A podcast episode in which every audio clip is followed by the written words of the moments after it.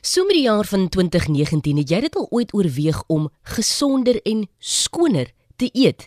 Wil jy graag die groen manier leef? Dis nou in terme van wat jy in jou mond sit. Daar is 'n hele paar vegetariërs wat jy kry deesdae. En kom ons wees maar nou eerlik, dit is bietjie duurder om gesonder te eet, maar dink tog aan die lang termyn daarvan. Hoe word 'n mens 'n vegetariër? Wat is die redes waarom mense iets soos vleis uitsny. Volgens 'n studie toon dit dat tussen 6 tot 8 miljoen mense in die Verenigde State nie meer vleis, vis of enige vorm van daardie kosse inneem nie. Miljoene het reeds rooi vleis uitgesny, maar eet nog steeds hoender en of vis. Bykans 2 miljoen mense het net vegans geword.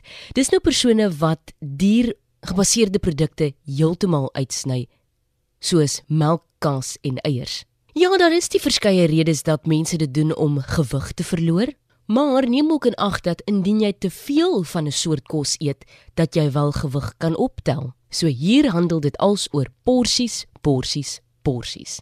Doen tog die nodige navorsing en kyk veral na jou bloedgroep wat vir jou goed is.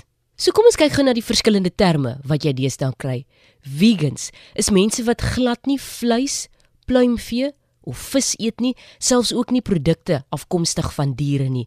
Dit sluit nou in eiers, melkprodukte en dies meer.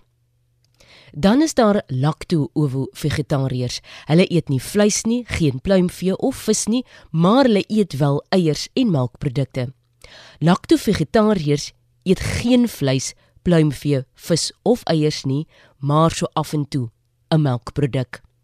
Ovo-vegetariërs eet geen vleis, geen pluimvee, geen vis of melkprodukte nie, maar wel eiers. En dan is daar die wat nog steeds hou van 'n stukkie vleis en hulle word gedeeltelike vegetariërs genoem wat beteken hulle vermy vleis maar eet wel vis. Dis nou 'n peskotariër. Het jy al enigsins jou dieet aangepas en hoe het dit vir jou gewerk? Was die skuif moeilik?